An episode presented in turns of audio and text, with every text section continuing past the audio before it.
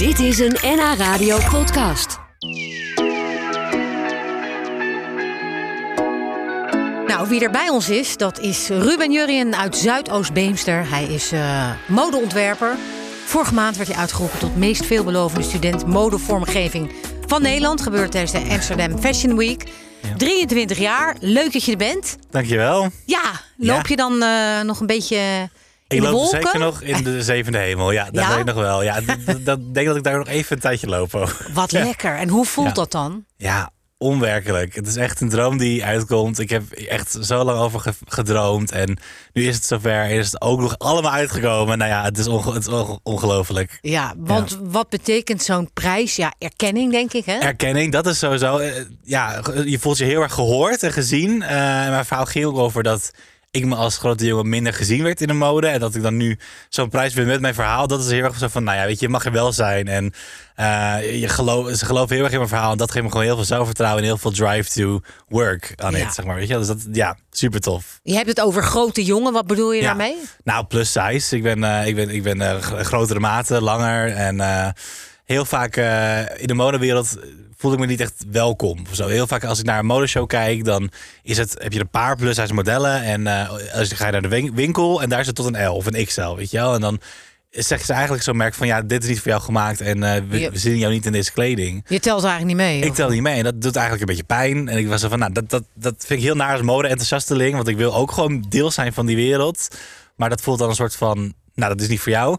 Dus eh, dat wil ik niet doen in mijn kleding. Dus mijn kleding is one size fits all of aanpasbaar naar je eigen maat. Ja, dus eigenlijk maak je het voor iedereen. Groot, ja, groot, klein, dik, lang, alles. Ja. Ja, alles. Het, het is aanpasbaar. Eh, je kan natuurlijk niet alles in één eh, ding vinden. Ik heb, ik heb zo voor twee maten en per maat zitten er dan acht maten in die maat, zeg maar. Dus dan kan je nou, heel veel lichamen cateren in één broek, zeg maar. Ja. Ja. En eh, ah, kijk je ook altijd naar mensen en denk je dan, oh, die, de- dat zou hem of haar mooi staan, wat ik ontworpen heb? Ah, grappig. Nee, ah, nou, ik, ik eh, probeer eigenlijk zo min mogelijk ehm, dat te doen. Want ik denk gewoon, ik wil dat iedereen, iemand die zich aangetrokken voelt op de kleding, die moet het kunnen Ah. dragen. En niet per se. En op school hadden we ook altijd van, ja, wie is je doelgroep? Hè, voor wie wil je ontwerpen? En ik zeg van, ja, maakt mij niet uit. Wie het wil, die moet het gewoon lekker dragen. Oh, ja. Ik, wil- ik wil helemaal niet mensen in een hokje plaatsen daarvoor. Of... eh, ja, je altijd, altijd op school moest je dan zeggen van wie is het dan, weet je? Is het dan de Amsterdamse meid uit, weet ik veel. Voor wie ontwerp je? Ik was gewoon van ja,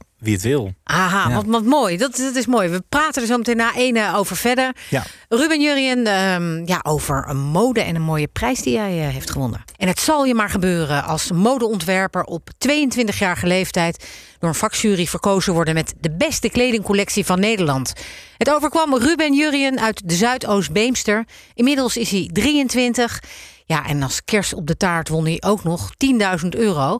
En hij mag volgend jaar dus meedoen aan de Amsterdam Fashion Week. Amsterdam Fashion Week. Je zei het net al nog, je bent nog steeds een beetje in, in, de zevende hemel. Hè? Ja, zeker. Ja, het is ongelooflijk. Het is echt. eh, Maar ik ben nu inmiddels een maand verder, dus ik ben, ik ben al één wolkje omlaag, denk ik. ja, Nou ja, blijf hoog zou ja ik zeker zeggen. wel. Maar, ja. En geniet daarvan. Ja. Eh, was een kleine Ruben van een jaar of zeven al eh, aan het ontwerpen? Hoe was het jongetje? Zeker. Ik denk eh, vanaf negen, vanaf negen ben ik eh, met de naaimachine begonnen. Toen heb ik van mijn tante een naaimachine gekregen.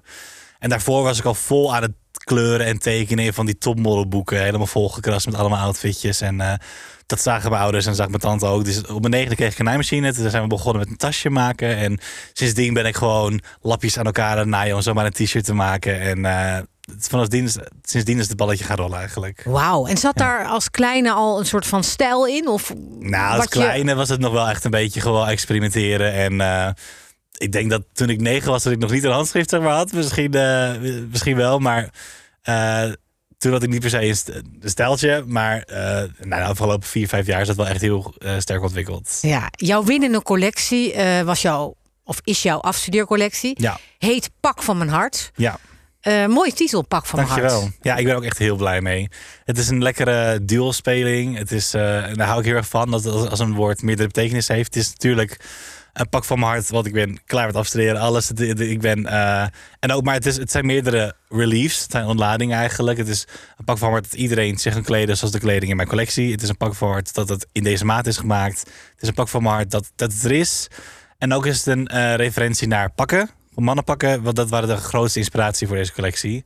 En eh, ik vind de kracht van een pak heel mooi, maar soms associatie in de dingen die erbij komen niet. Dus ik wou een pak maken wat helemaal vrij is. Dus een pak van mijn hart. Ja, wat mooi al die betekenissen. het dankjewel. is natuurlijk radio. Mensen kunnen wel via de webcam meekijken. Maar kun je eens vertellen ja, hoe het er dan uitziet? Of wat, jouw wat jouw Ja. handtekening is, zonder dat we het echt zelf zien? Ja, eh, flamboyant is heel erg belangrijk. Veel ruffels, eh, maar wel eh, ja, vrij noem ik het, maar wel geïnspireerd door eh, traditionele kleding. En eh, die op een nieuwe manier vormgeven dat het weer los wordt gemaakt van zijn standaard associaties. Bijvoorbeeld de stropdas. Bijvoorbeeld die... de stropdas die normaal om je nek hangt. En bij mij is hij ingenaaid als in een polo, als een soort van polo-strepen. Of is het een centuur om je harnas te kunnen sluiten. Of ja, dat. Dus het zijn traditionele dingen zoals een pak.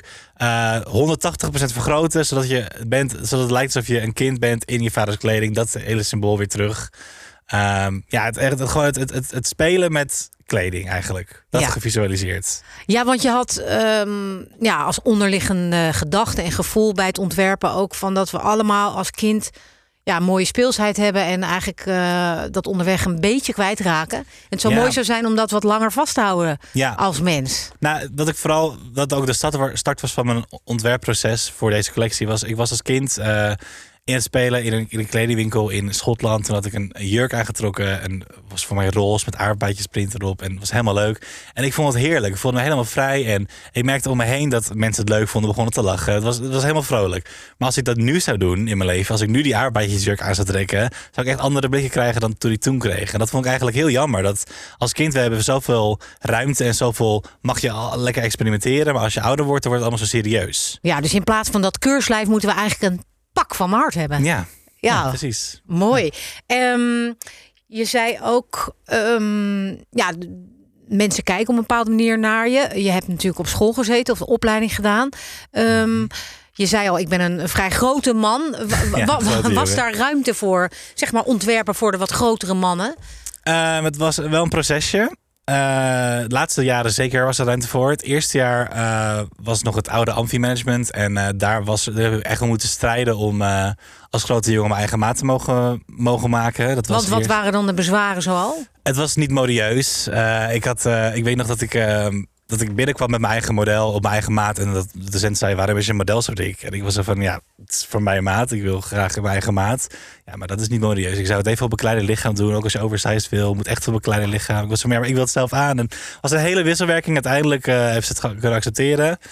Maar... ehm, dat was wel gewoon een strijdje. En dat, dat liet eigenlijk wel zien dat... Ik bedoel, zij is iemand die al heel lang in de mode-industrie zat. En dat is gewoon nog steeds daar, die mensen. Dus het, dat liet wel zien dat de oude garde nog heel erg denkt over mode. Het moet allemaal op een maat 36 passen. Het moet allemaal smal er mooi uitzien. Eh, ja, Ja. maar uiteindelijk... eh, Maar dat doet ook wel goed. pijn als iemand zegt van jeetje, wat is dat model eh, dik. Nou ja, ja het was eh chockerend of zo. Ik had heel, ik, het kwam eigenlijk niet binnen, gelukkig, denk ik.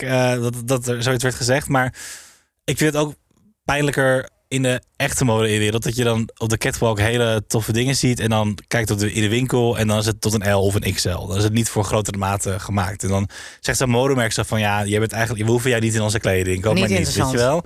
Dat, eh, want jij, jij hoeven we niet. Dat is, dat is heel pijnlijk. Zeker als mode-enthousiastelin. Dat je denkt, ik wil ook deel zijn van die wereld. Dat je dan ziet, eh, dit is niet voor jou gemaakt. Dus in mijn kleding gaat dat nooit een case zijn. Dus je lichaam nooit een grens voor... eh, om mee te doen in mijn kleding. Nee, het is Ja. juist voor alle Het is voor alle kleding, voor groot, ook, maar ook voor kleiner en voor alles. Wat mooi. Nou, Ja. pak van mijn hart dus. We gaan er zo meteen over verder praten. Ja, het mooie is dat een knuffel van vroeger speelt ook nog een rol in, in jouw ontwerpen. Hoe Ja. zit dat? Zijn naam is Toetie.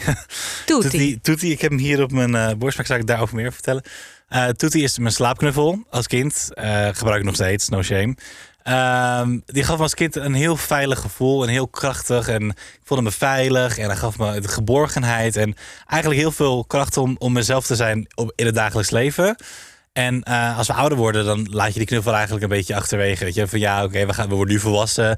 Dus we, la- we laten die joligheid, die geborgenheid, dat laten we achterwege. Maar eigenlijk is dat super zonde, want het geeft je zoveel kracht en zoveel vertrouwen om, om jezelf te zijn en om tegen de standaard in te gaan. Dat ik denk, we moeten dat vasthouden en gebruiken als een symboliek en een soort van reminder om het innerlijke kind in jezelf eh, niet te vergeten en juist te gebruiken. En, en- want er zit zoveel kracht en zoveel ehm, ja, zeg je dat? Je, je kijkt als kind, zeg maar, blanco tegen de wereld aan. Je hebt nog helemaal geen, je leert door te leven. En dat vind ik heel mooi eh, om te bedenken dat je leert door te doen. En nou, dus die, die toetie is, eh, is, is symboliek voor dat, dat gevoel.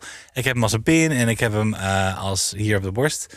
En ik heb hem als eh, print heel veel verwerkt. Ik heb ook een comic geschreven hoe Toetie aan zijn superheldenkrachten komt. Want hij is een superheld die je zeg maar het extra setje geeft om tegen de kledingcodes in te gaan. Dus die trekt je erdoor, zeg maar. Dus jouw kleding wil, Ja. moet mensen eigenlijk veiligheid, kracht en speelsheid Ja, het moet mensen geven. uitnodigen om tegen de, tegen de standaard in te gaan. Tegen de geschreven regels van wat je moet doen als man of vrouw. En gewoon kleding te ervaren voor wat het is. Een materiaal iets. Dat geeft je, maar dat geeft je wel een bepaald gevoel, zo'n kledingstuk. Dus ik nodig dragers heel erg uit om ja, daarmee te spelen. Dat ervaren. Laat kleding je een gevoel geven. En dat is eigenlijk ook wel wat je zelf hebt meegemaakt, bijvoorbeeld op eh, de academie waar je hebt gestudeerd, dat je eh, ook heel erg je eigen gang al moest gaan of je Ja. eigen stempel moest drukken, toch? Ja, zeker. Ja. Ja, het is gewoon iets wat ik in mijn hele leven al heb gevoeld of zo. Zijn er ook al mensen die jouw kleding nu dragen? Eh, ja, die zijn er. Ik heb, ik heb in- tijdens MBO heb ik ook een ander shirt gekocht. Die heb ik gemaakt. En die is helemaal, helemaal goed gegaan. Eh, 200 stuks verkocht of zo. Dus er is al wat er bij jullie en uh, kledingstukken over de wereld. Nou, over de wereld, Nederland vooral. Ehm, en ik ben een paar keer gedragen door eh Goldband. Die artiesten die hebben me op Lowlands aangehad. En op... eh, Hoe was dat voor jou toen ja, je dat hoorde of zag? Super vet. Ik vond het zo heel erg leuk dat, eh, dat, ze die, dat ze die aanvraag deden voor Rockwechter toen. En eh, toen waren ze ook een outfit van de afstudeercollectie met eh, de ingenaaide stropdassen. Eh, dat was al heel vet. En het was heel grappig, want eh, Boas van Goldband die had hem aan en die sprong toen het publiek in en die brak zijn been. Dus ik heb heel veel persfoto's met ambulance en zo, wat heel grappig was. Eh, Oh, maar Ja. zit je ongelukkig toeval, maar ja, maar het, het was heel grappig. Past helemaal ook bij Goldband, want die had een nummer noodgeval. Dus het was helemaal, het was helemaal in brand van hun. was heel grappig. En het is gewoon super vereren dat ze gewoon jou zien als iets dat denken, oh, dat willen we op zo'n podium zetten. Geweldig. Ja. En tot slot, als we kijken naar de toekomst, eh, heb je dan dromen voor, voor eh, over tien jaar bijvoorbeeld? Ja, het liefst wil ik, eh, wil ik te zien zijn op straat. Dat is denk, denk, denk ik het, het meeste wat ik wil. Ik wil dat mensen mij kunnen dragen en dat, ehm, dat ik over tien jaar gewoon ja, tussen de streetwear brands hoor. Dat je, dat je mij gewoon daartussen ziet staan eigenlijk. Ja, Ja. nou, maar die, de kans dat die droom uitkomt eh, eh, is, is, er. zeker groot en aanwezig. Dankjewel. Eh, heb je een soort website of waar mensen kunnen kijken naar... Ja, rubenjurien.com. Daar staat mijn portfolio op. Dan kan je alle collecties zien die ik heb gemaakt op Amfi en, en mijn afstudeercollectie. En ook iets eh, over lichting staat erop. En, en een webshop waar je dus de pins kan halen en binnenkort ook andere dingen. Dus rubenjurien.com. Ja, Oké, nou, ik vond het ontzettend leuk dat je er was. En bijzonder ook. eh, kom over een tijdje nog eens terug, zou ik zeggen. ja lijkt me leuk. Als je dan niet misschien te groot bent geworden nee, voor ons. nee, altijd, eh, altijd eruit te vieren. Rubenjurien.com dus. Ja, Eh, nou, ook eh, terug te luisteren als podcast op onze site uh, nhnieuws.nl. Dit was een NH Radio podcast. Voor meer, ga naar nhradio.nl. Radio.